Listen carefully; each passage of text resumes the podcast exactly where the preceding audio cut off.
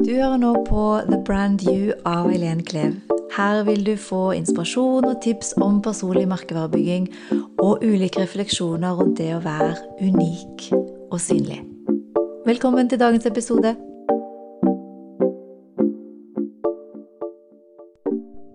I dag har jeg gleden av å intervjue Egil Arne. Han er psykolog, foredragsholder og blogger. Velkommen. Tusen takk. Det er ekstra gøy og ekstra inspirerende å ha deg med her, for vi har jo jobbet litt sammen for lenge, lenge, lenge siden. Og det er sånn tilfeldig egentlig at jeg oppdaget deg på ny nå, for vi har liksom eh, jobbet sammen litt i Statoil. Og begge har eh, jobbet mye med merkevare og kommunikasjon før. Og nå gjør vi ganske forskjellige ting, og du gjør kanskje enda mer spennende ting. Eh, og det har jeg lyst til å høre veldig mye mer om. Så hva, hvordan endte du opp du er nå? Du er foredragsholder, blogger, psykolog. Hva var veien? Ja, eh, jeg har gjort litt forskjellig i mitt liv. Jeg har egentlig hatt tre karrierer. Den første karrieren min var i Forsvaret. Med befalsskolen og krigsskolen og pliktår og slutta i Forsvaret etter ti år. Som kaptein, da. Og i Forsvaret, så, eller på krigsskolen, så er en av hovedfagene er jo lederskap og eh, sosialpsykologi. Mm. Så jeg fikk interesse for psykologi allerede ganske tidlig, da, sånn, sånn ca. 21 år eh, på krigsskolen. Så eh, kom jeg eh, Fikk jeg en jobb med, med lederutvikling i Statoil. Var det tilfeldig, eller var det via nettverk? Nei, jeg studerte, på, jeg studerte noe som heter Prosjektforum for organisasjon og ledelse på Blindern innenfor sosi Sosiologisk institutt. Så der eh, var vi, var det, det er jo et praktisk studie, så da var det et prosjekt sammen med Statoil. Mm. Men Gjorde du det mens du var i militæret, eller var det etterpå eller før? Jeg hadde et stipendiat i organisasjon og ledelse okay. i Hæren. Ja. Så det var i den sammenhengen at jeg kom i kontakt med Statoil. Og så mm -hmm. var det ledig en jobb der innenfor opplæring. Så var jeg den jobben innenfor opplæring, og et år senere så var det en ledig jobb som reklamesjef. Så da siden jeg hadde, allerede da hadde grunnfag og mellomfag i psykologi på holdningsendring og sånn, så, så, kunne jeg jo mye om holdningsendring, som er sentralt i markedsføring. Så da fikk jeg den jobben. Det var jo en, mye å lære i den jobben, altså. Mm. Mye nytt. Selv om jeg mente jeg var godt skikka til den, så var det mye nytt å lære da. Så var jeg jo i den markedsavdelingen i, i ti år, da. Og til slutt de siste syv årene cirka, så ledet jeg den markedsavdelingen. Noen ganger så var den nasjonal, og andre ganger så var den skandinavisk, litt avhengig av hvordan eh, organisasjonen var organisert. Mm. Men hele tiden så har det vært min drøm å drive med psykologi. Da.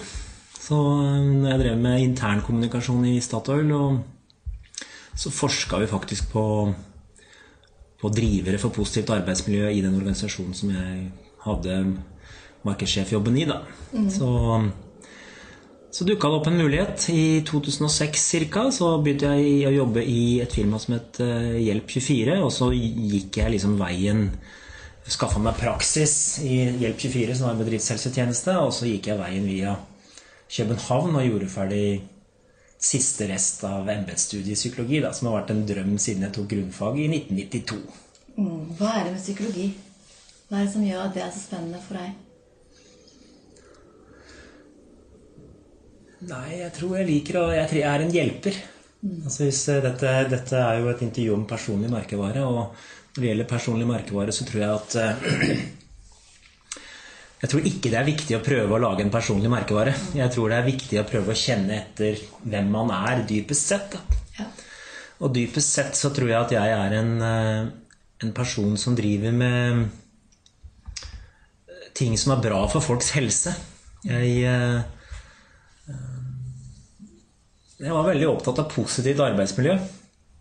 Og prøvde når jeg jobbet i Statoil, altså der vi møttes, og mm. var veldig opptatt av at uh, kampanjene vi laget, skulle liksom uh, påvirke positivt uh, hvordan folk hadde det på jobb, slik at liksom hele organisasjonen var med på at det var gøy å, å selge, da. Selge mm. diesel, som vi drev på med. Mm. så jeg er opptatt, opptatt, av det positive, liksom. Og sånn sett så, så syns jeg liksom alltid at det å være psykolog har vært en sånn litt sånn spennende Jeg har alltid sett veldig opp til folk som hadde den utdannelsen før. og sånn, Så jeg har hatt veldig lyst til å ha den selv. Altså, det handler om å forstå hva som driver mennesker. Og forstå hva som kan hjelpe mennesker fra å ha det dårlig til å få det bedre. Og hva som hjelper mennesker eh, til å så eh,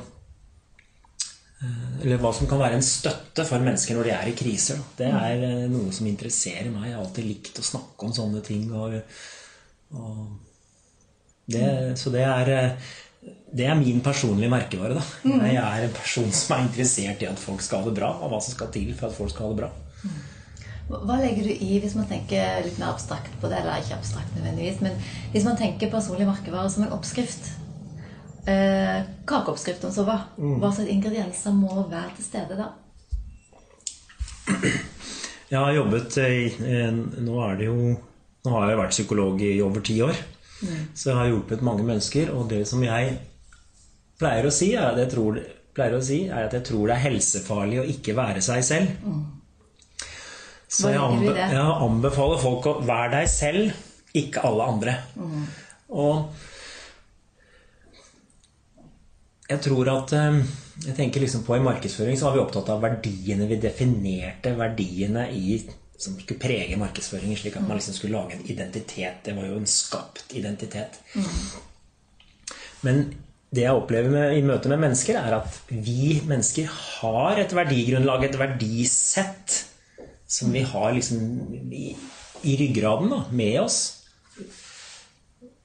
Og et kompass for å merke hvilke verdier vi har, er jo hvilke følelser vi får i forhold til ting vi gjør, og hva som vi merker er viktig, og, så, sånne ting.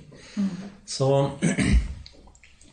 det å være seg selv er viktig, fordi at hvis du ikke er deg selv, så går du på akkord hele tiden med disse verdiene dine. Da. Og de verdiene man har. Og hvis man går på akkord med det man er bygd av, selve liksom essensen i byggestenene i det mennesket, så, så så er det jo liksom på en måte stressaktivering hele tiden antagelig. Da. For du går på en måte motstrøms. Det er, mye bedre å leve med enn å leve mot. Jeg anbefaler folk å leve med seg selv istedenfor for å leve mot seg selv. Hvor lett har det vært for deg å finne de verdiene dine? Visste du det allerede fra du var ung, eller er det noe som har kommet mer tydelig for deg de siste årene? For dine egne personlige verdier? Ja. Og jeg har vel kanskje visst om det. Jeg, eh, jeg sto i kø for å komme inn på embetsstudiet i eh, Oslo, Universitetet i Oslo i 1997-98. Men da turte jeg ikke. For da hadde jeg liksom jobbet jeg med, som reklamesjef i Statoil og var vant til å tjene penger og liksom sånne ting. Så da turte jeg liksom ikke å bare bryte ut. Det måtte jeg bli 40 år før jeg turte, liksom. Så eh, jeg har nok visst noe av at jeg er en, en person som er opptatt av er en empatisk person som er opptatt av at folk skal ha det godt i livet, livet sitt. Og jeg, og når mennesker som er i krise, så er jeg opptatt av at de skal ha det så bra som mulig. Så jeg har nok eh, vært en sånn medmenneskelig type. Alltid. Men eh, det er noen praktiske rammer som gjør at jeg ikke har kunnet ta det ut eh, før. Sant? Sånn er det jo. Og så er det Jeg har jo blitt mer bevisst etter hvert som jeg har blitt eldre. da. Ja. Noen blir bevisst uh, av at de har opplevd en del uh, utfordringer. At de har kanskje hatt noen personlige kriser eller andre ting. At dermed så har de blitt mer bevisst på det. Andre har jo blitt bevisst på det fordi de har faktisk gått inn for det. Men uh, hva tenker du er lettest? Hvis du da fikk en foran deg som var rundt 40, da, eller uansett hvilken alder han er egentlig, eller Altså Jeg er helt klinkende klar på at det er lettest å arbeide aktivt med å finne ut hvem man er dypest sett tidlig, før krisen kommer. Ja. For grunnen til at krisen kommer, kan jo være at man da har gått på en feil vei. Som er på tvers av den man er. På tvers av sine egne verdier. ja. Jeg eh, Hva er den lette øvelsen for å finne de verdiene når du ikke har en krise? Når det egentlig alt går veldig veldig fint? Eh, kanskje du er ung fremdeles og har alle mulighetene åpne? Det finnes jo mye tester som man kan gjøre for å måle sånne ting, men det er jo en samtale. Jeg kan jo spørre hva er What's close to your heart? liksom? Hva er det som er viktig for deg? Det spør jeg jo. Hvem er du? Hva liker du? Hva blir, hva blir du glad av? Hva blir du lei deg av? Sånne, sånne enkle, praktiske spørsmål er jo vanlig i et intervju som psykolog med mennesker. da. Ja. Hva liker du? Hva liker du ikke? Så hvis man sier at den viktigste ingrediensen det er å være seg selv, og det er å koble seg på verdiene dine, være tro med de, og er mot de, er det andre ingredienser som du tenker du må til stede for å bygge en personlig merkevare? Ja, altså, hvis vi tar utgangspunkt i verdiene, som jeg er opptatt av Jeg er opptatt av at personlig merkevare handler jo om å ikke være, lage et system for å bygge en merkevare, for å bygge en identitet som egentlig er en fasade, men som ikke stemmer overens med det som er bak fasaden. Mm. Så hvis um, Litt sånn praktisk, hvis vi tar utgangspunkt i verdiene, så er jo det som da er viktig når man har blitt kjent med verdiene sine, det er jo å håndheve de verdiene.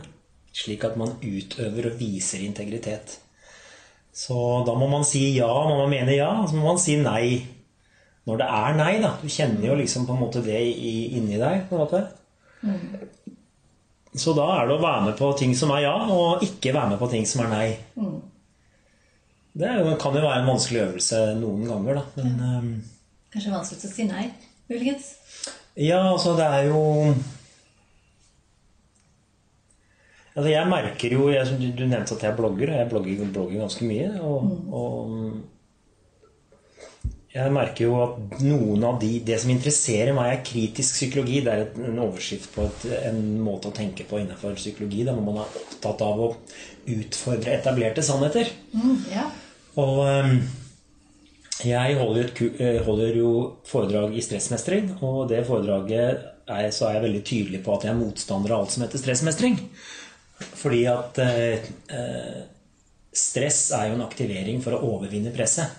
Så stress skal ikke tåles. Stress, stress er en kraftmobilisering i kroppen for å overvinne presset, slik at stresset igjen avtar. Um, og det er en etablert sannhet at du burde tåle noe. Det er jo noen som Jeg leste en artikkel hvor det sto at uh, det holder med fire timers søvn. Nei, det holder med fem timers søvn. var det fem timers søvn? Og jeg syns liksom at det er en veldig sånn rar uttalelse. Det holder med fem timers søvn. Du merker jo selv Det kan godt være at det er noen det holder med At det er behagelig å sove fem timer. Jeg vet at noen mennesker syns det er bra. Mm. Men jeg vet også at det er veldig mange mennesker som syns det er ubehagelig å bare sove fem timer. Så jeg mener jo at det er viktigere at man lærer seg å kjenne etter når man har, føler seg uthvilt. Mm.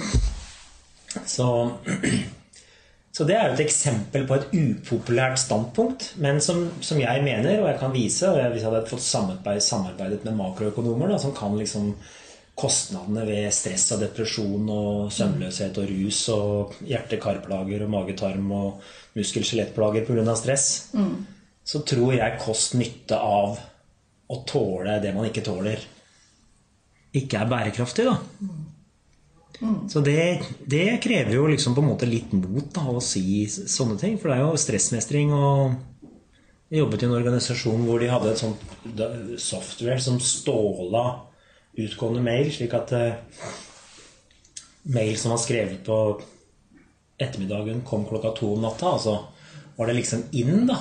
Mm, Seine mailer, ja. Ja, ja, ja, vi jobber litt, liksom. Mm. Mens jeg mener at det bør være inn å jobbe jobbe smart og ha uthvilte medarbeidere. mens jeg opplever at det er litt sånn eh, Noen snakker om det som motkultur. da. Mm. Mens jeg mener at det er klokt og smart å tenke bærekraft inn mm. mot mm. næringsliv. da. Jeg er jo ikke motstander av prestasjoner. Jeg er bare motstander av de prestasjoner som gjør at folk blir syke. Mm. Men hva med de, Du sier at det er utrolig viktig å være seg selv, det er utrolig viktig å være tydelig og leve i tråd med verdiene dine. Hvis du er på et arbeidssted da, hvor eh, det ikke helt gir rom for at du skal være deg selv, tenker du konsekvensen da blir at du bør faktisk gå? Det er, det er et vanskelig spørsmål. Også. Hvis man har muligheten til altså hvis, man er, hvis man er et sted i det ytterste kalde kapitalistiske hjørnet av verden, hvor det eneste som gjelder, er å selge, uansett hva du selger, mm. så hadde jeg blitt sjuk av å ha vært et sånt sted. Mm. Ja. Så jeg hadde måttet gå mm. og flytte. Um, så det er jo, men det er jo også liksom på en måte Folk har jo familie og forpliktelser og, og sånne ting, men uh, i Norge så er vi jo langt fremme på HMS og medvirkning og på uh, verneombud og tillitsmannsapparat og sånn, så hvis det er, et, er en ukultur mm. som på en måte bryter loven, da, arbeidsmiljøloven paragraf 1 sier at det skal være helsefremmende å gå på jobb, så må man jo prøve å bruke de kanalene som er for oss å kjempe. For det er jo det å si ifra om at her er det en ukultur, det er jo bra for bedriften på over tid. Så, så jeg mener at det er viktig å få kontakt med det indre kompasset. Fordi at det er eh, da du kan bygge den personlige merkevaren. Ved å være den du faktisk er. Den originale brikken, den originale delen av puslespillet. Så slik at puslespillet blir en helhet. da. Så har du din egen lille brikke, liksom. For mange kan oppleve, sånn som jeg får tilbakemelding på, at, og jeg kan også kjenne det selv òg, når jeg ser tilbake til karriere, at det kan være vanskelig å helt være seg selv i forhold til at du er redd for at du sier noe feil, eller retter på noe på feil tidspunkt, eller stiller feil spørsmål, eller på en måte vise for mye. eh, For dermed kan man tolke det som, at, som noe negativt, at man holder igjen. Ehm, Hvor, mye, eller hvor vanlig tror du det er? At man egentlig ikke helt viser seg selv. Man er seg selv hjemme, og så går man på jobb og så tar man på seg fasaden sin. Jeg møter jo mange som snakker om akkurat det. At man på en måte går inn i en liten rolle, da. Jeg tror eh, på eh, Altså Når Henrik Ibsen skrev Per Gynt, så møter Per Gynt Dovregubben. Og da sier Dovregubben 'vær deg selv nok'. Det er egoismen. Vær deg selv nok. Mens jeg mener at det er viktig, og hvis man snur litt på det, da, så mener jeg det er veldig viktig å være nok seg selv. At du er tilstrekkelig mye deg selv, men du er jo ikke en eh, Man er jo i en del av et fellesskap, så man må på en måte prøve å være Tilpasse seg. Tilpasse seg noe fellesskapet. Man, det er jo noen regler, noen sosiale måter å være på som, som skal til for at fellesskapet skal fungere, da. Um, så vær deg selv nok. Og være nok til stede i fellesskapet, liksom. Det er jo, man, må være, man er både individ og fellesskap. Det er veldig trist å ikke være en del av et fellesskap. Så hvis man på en måte eh, er så Altså Hvis man er seg selv nok, da, så egoismen overtar det på en måte eh, tilstedeværelsen i verden, så, er man ikke en, så spiller man, er man jo ikke en- del av fellesskapet. Og det tror jeg heller Da er man, da er man langt unna. Jeg, tror, jeg tror at individet hører hjemme i fellesskapet, så at det liksom og det er en balanse mellom individ og fellesskap. da. Vær nok deg selv. Hvis du skal tenke noen eh, personligheter som du tenker de opplever du som dyktige på å være seg selv, være autentisk, eh, være en god merkevare, sånn som du tenker, hvem vil du trekke fram da? Jeg kjenner jo flere, som jeg, men jeg tenker på hvis, hvis man f.eks. kanskje skulle hatt noen personer som andre kjenner, da. Ikke det. Det kan være personer som du kan beskrive for oss, så vi lett blir kjent med hvorfor ja. du opplever de som Jeg kan selvfølgelig fortelle litt om Per Fugelli. Han gikk jo bort i fjor. Jeg, jeg, han, han kom inn i media i sånn 96, tror jeg. Begynte han å være en del i media, og jeg likte veldig raskt det han sa. For han, han, det kom, den måten han forklarte ting på, kommuniserte med meg. Mm. Jeg husker at han snakket om at uh, utenfor uh, på kreftavdelinger så står folk og røyker. liksom. Folk med lungekreft står og røyker. Men så snakket han om at men ta deg nå en røyk, da. Og så var det mange sånne motstand som sa liksom at det er forferdelig at en lege kan si anbefaler folk å ta en røyk. Han anbefalte ikke folk å ta en røyk. Men han prøvde å synliggjøre Han vet også godt at det er farlig. Han visste også godt at det var farlig å ta en røyk. Dette er min forståelse, da. Men han prøvde å synliggjøre at man ikke skal leve hele livet sitt med dårlig samvittighet for alt man det, usunne man gjør, da. Jeg har, har hatt trolig sans for Per Fugelli og hans måte å kommunisere på. Og jeg har eh, noen, gang, noen ganger ikke forstått hvordan han er blitt misforstått av, i- av noen media. Av noen media, da. Så Så Han syns jeg er et eksempel på en person som gjorde det på sin måte. Ja. Og som eh, var eh, sterk og klar, og som eh, utfordra oppleste og vedtatte sannheter. Jeg lærte, vokste opp, når jeg, var, eh, når jeg vokste opp, så lærte jeg at eh, you never get a second chance to make a good first impression. Og jeg syns det er en hårreisende idé av high-kulturen. Datteren min begynte på, gymnas, på sånn dansegymnas med opptaksprøve for tre år siden. Tenk hvis jeg hadde sagt til henne at ja, det er, eh, dette er første og siste gang til å et godt førsteinntrykk. Du lager jo veldig mye stress i organisasjonen. Da. Så jeg mener at det er en del oppleste og vedtatte sannheter som, som er bra å utfordre, men det er vanskelig å kommunisere og utfordre de. For det er akkurat som man ikke får lov til å gå midt på veien. Hvis man liksom sier at man er motstander av stressmestring, så tror folk at man er motstander av at man skal få til ting. Så da havner man i den grøfta. Hvis man sier at det er viktig med stressmestring, så tror andre at man ikke skal ta vare på helsa si. Mens jeg ønsker å gå i midten av en vei, da. Kan du bli likt av alle? Nei, det kan man ikke. Nei. Man, man kan ikke eh, Hvorfor gjøre ikke alle hvis til man skal laks. være autentisk? Nei, man kan ikke gjøre alle til laks. Så, så det er derfor det er viktig å liksom si det man står for, men kanskje også prøve å, forst- prøve å finne måter å si det på slik at, det, at budskapet sprer seg, slik at andre forstår det du snakker om, og at det påvirker. Da. For hvis du sier noe du mener som på en måte alle tenker er bare teit, så får du jo ikke noe påvirkning. Da, for at det, stress, for eksempel, som jeg er veldig opptatt av, er jo et kjempeproblem. Jeg var på en forelesning med Audun Mysja rett før jul, og da var, viste han til tall fra den vestlige verden om at stress er verdens største sykdom. Stressplager. Stress og, det, og de, depresjon.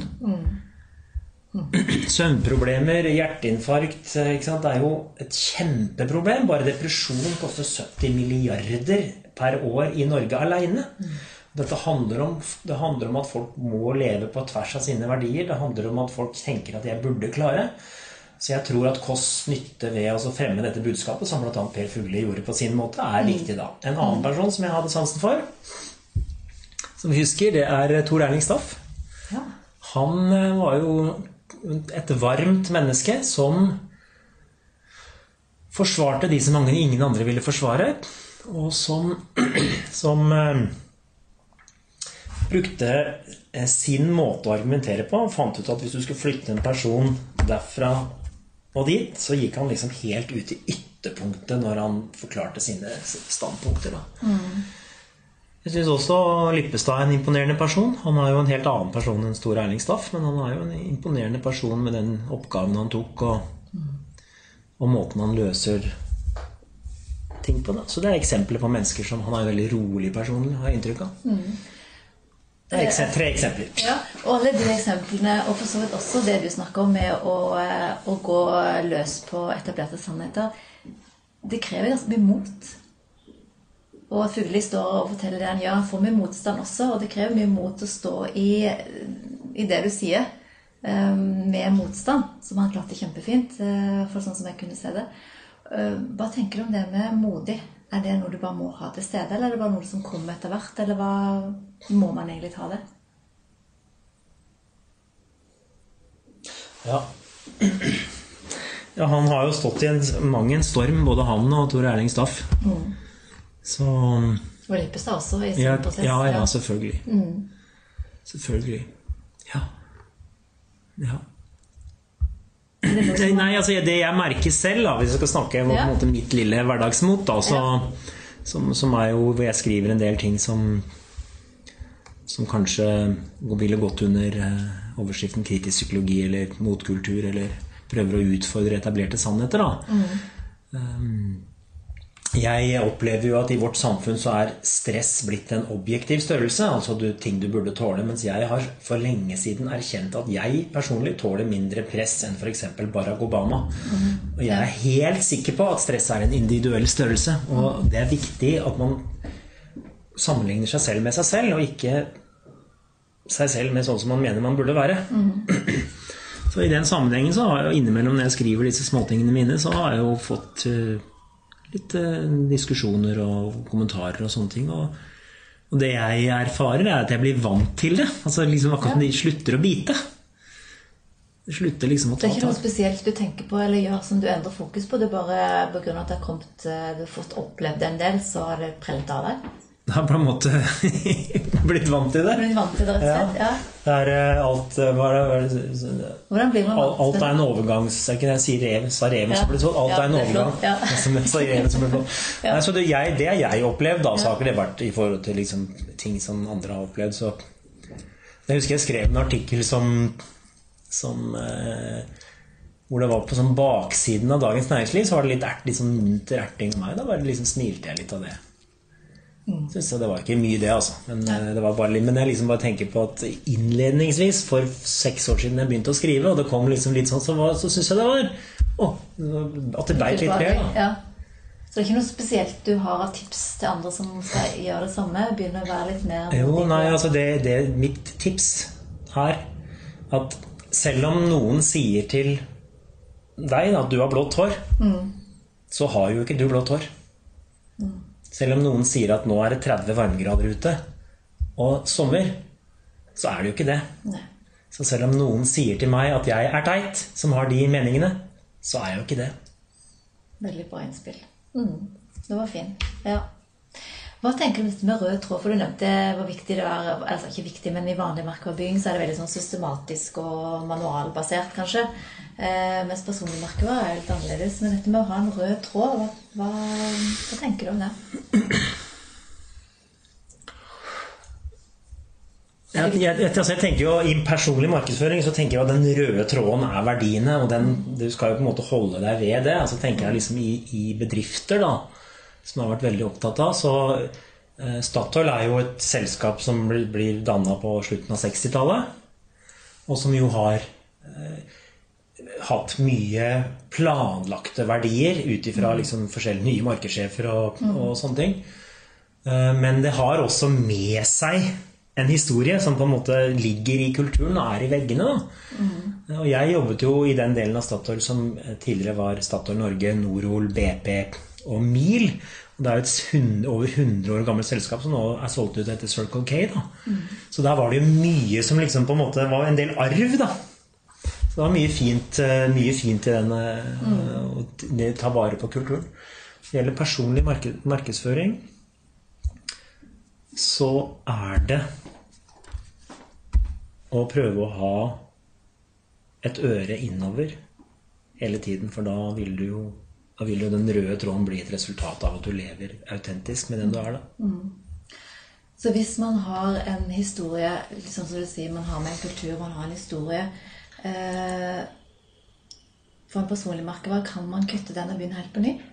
Eller er det også noe man må bare ta med seg videre i prosessen og bearbeide for å gå videre? Hva tenker du om det? Ja, altså det er, eh, det er noe jeg jobber mye med. da. Mennesker som har opplevd vanskelige ting. Mennesker som har gjort ting de angrer på.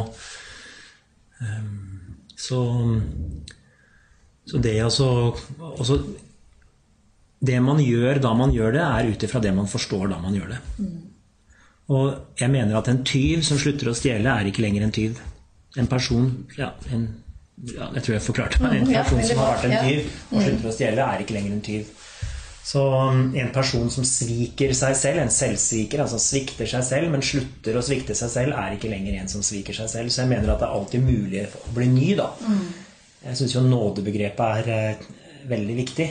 Og det er mye bedre at en person som har gjort noen man, som har gjort andre, skadet andre eller skadet seg selv, det er mye bedre at den personen finner nåde og finner seg en annen vei. da.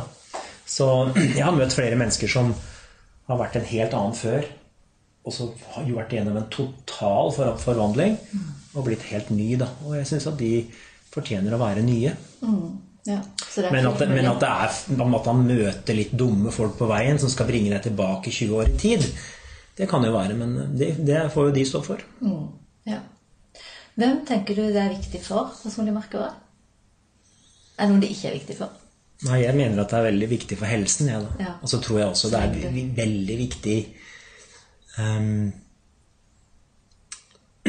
i forhold til å være attraktiv. Mye, jeg, opplever- at hvis du er autentisk, så, så kobler du det ekte med det ekte i det andre mennesket. Og da blir du på en måte mer attraktiv òg, tror jeg. da. Så eh, Steve Jobs var jo veldig opptatt av dette. Apple. The Misfits, Muhammed Ali, Einstein, de originale, liksom. Det var det han kjørte på, på i Apple. Eller på ja, Apple, iPhone, nei, iMac og alle de. Ja. Så da var det originale han var eh, opptatt av. ikke sant? We hire smart people not to tell them what to do, but so they can tell us what to do. Men hva tror du er det som stopper folk fra å være det? For jeg tror ikke de fleste har en sånn eh, lengsel etter å være mer seg selv. Um, Det er sikkert mange som er seg selv, altså, men, eh, men eh, det er eh, normtrykk. Normtrykket. Jeg har sittet mange ganger selv tenkt at jeg, jeg lurte på det, jeg lurer på det. Jeg har ikke turt å stille spørsmål, men så liksom etter hvert nå som jeg har blitt eldre, da, så, stiller jeg spørsmålet, og når jeg, det jeg merker du Kan ikke du forklare det litt nøyere? Og så ser jeg liksom rundt meg og så ser åh, det var, det var Endelig noen som- endelig noen som stilte det spørsmålet. Ja. Så kanskje akkurat du har rett. Kanskje Ja. det du kjenner på, er det vi trenger nå. Ja. Det prøver jeg å oppmuntre folk til å. Jeg håper at dette er balansert, da, for det er Ja. det jeg prøver å liksom eh, Veldig bra. Hvis du tenker Markedsbygging, det er jo, eh, sånn som jeg opplever det, så er det jo veldig relevant for de som selvfølgelig er i en jobb og vil eh, tenke karriere videre der også, men det er også veldig viktig for de som skal søke nye jobber eh, for å finne match, da. Men så tenker jeg det er også veldig viktig for de som er selvstendig næringsdrivende, sånn som du er nå. Um, ut ifra din reise, for du har jo blitt tydeligere og tydeligere på din egen personlige merkevare. Du har for eksempel, eh, du har jo ikke noe etternavn, du var bare Egil Arne. For det er på en måte for å styrke merkevaren din enda mer. Kan du si litt om hvordan du tenker i forhold til din egen personlige merkevare? Jeg tenker ikke på den. Jeg er veldig opptatt av å være den jeg er. Ja. Jeg er Er det noe du ikke har med etternavnet med? Er det for å være enda mer personlig? Nei, det er, jeg har et veldig langt navn, så det er for å gjøre det litt enklere å huske på. liksom. Ja. Så det er bare sånn praktisk. Og, så det er jeg, jeg heter Egil Arne, og så er det Ingrid Olava. Hun er også fire. Ja. Så vi gjør det, det er på en måte en sånn. Men det er for at det skal være enkelt å Huske, huske, da, syns jeg. Ja. det, er jo en, en forenkling, da. Så Men jeg tenker ikke på min egen merkevare, egentlig. Jeg er veldig opptatt av å prøve å være Prøve å mene og stå for det jeg står for. Så verdien er på en måte det du har mest fokus på? At du skal være tråd med det du opplever er dine, din ryggmarg, dine kjerneverdier? Ja, altså at jeg prøver å være sann. Prøver å snakke sant. da. Ja. Prøver å ikke gjøre ting som ikke er sant, liksom. Og jeg um... Så jeg prøver, når jeg sier mine ting, så prøver jeg å si det jeg tror er bra. Ut ifra min utdannelse og ut ifra min erfaring. da. Ja. Og våger du være så tydelig på det at du faktisk kan få bedrifter som ikke vil jobbe med deg? Det er helt sikkert. Det er jeg helt sikker på. Ja. Men uh, Så ikke, du, du våger å være såpass ærlig på det, dine egne verdier at du faktisk også kan stå inne for at noen vil si nei.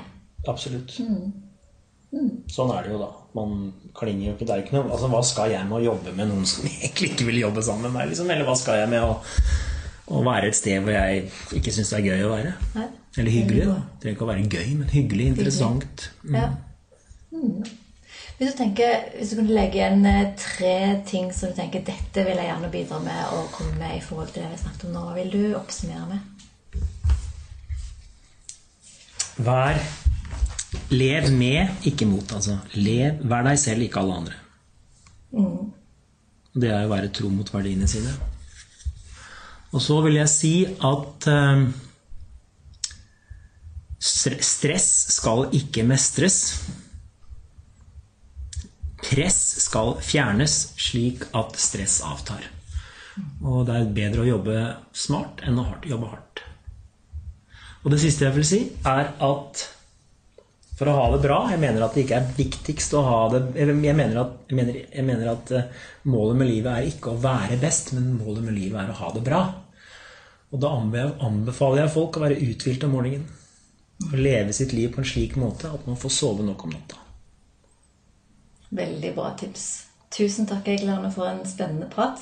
Og masse lykke til med å bygge merkevaren din videre. Som både som foredragsholder og blogger. Jeg kan nevne at bloggen din er blitt veldig populær. Du nevnte også at du har kommet som nummer 22.-plass, den mest leste bloggen i Norge. Det er veldig bra. Og at det var nesten sånn rundt eh, ja, 2000-5000 som leser bloggen eh, hver uke. Men hva, hva heter bloggen? Er det bare Egil Arne? Det er bare på Det er Egil Arne på Facebook. Ja, Egil Arne på Facebook. Jeg blogger bare sånne små snutter på Facebook. Så hvis de vil høre mer om måten du tenker på, og hvordan du utfordrer etablerte sannheter, så er det å gå inn på Facebook. Egil Arne. Masse lykke til. Tusen takk.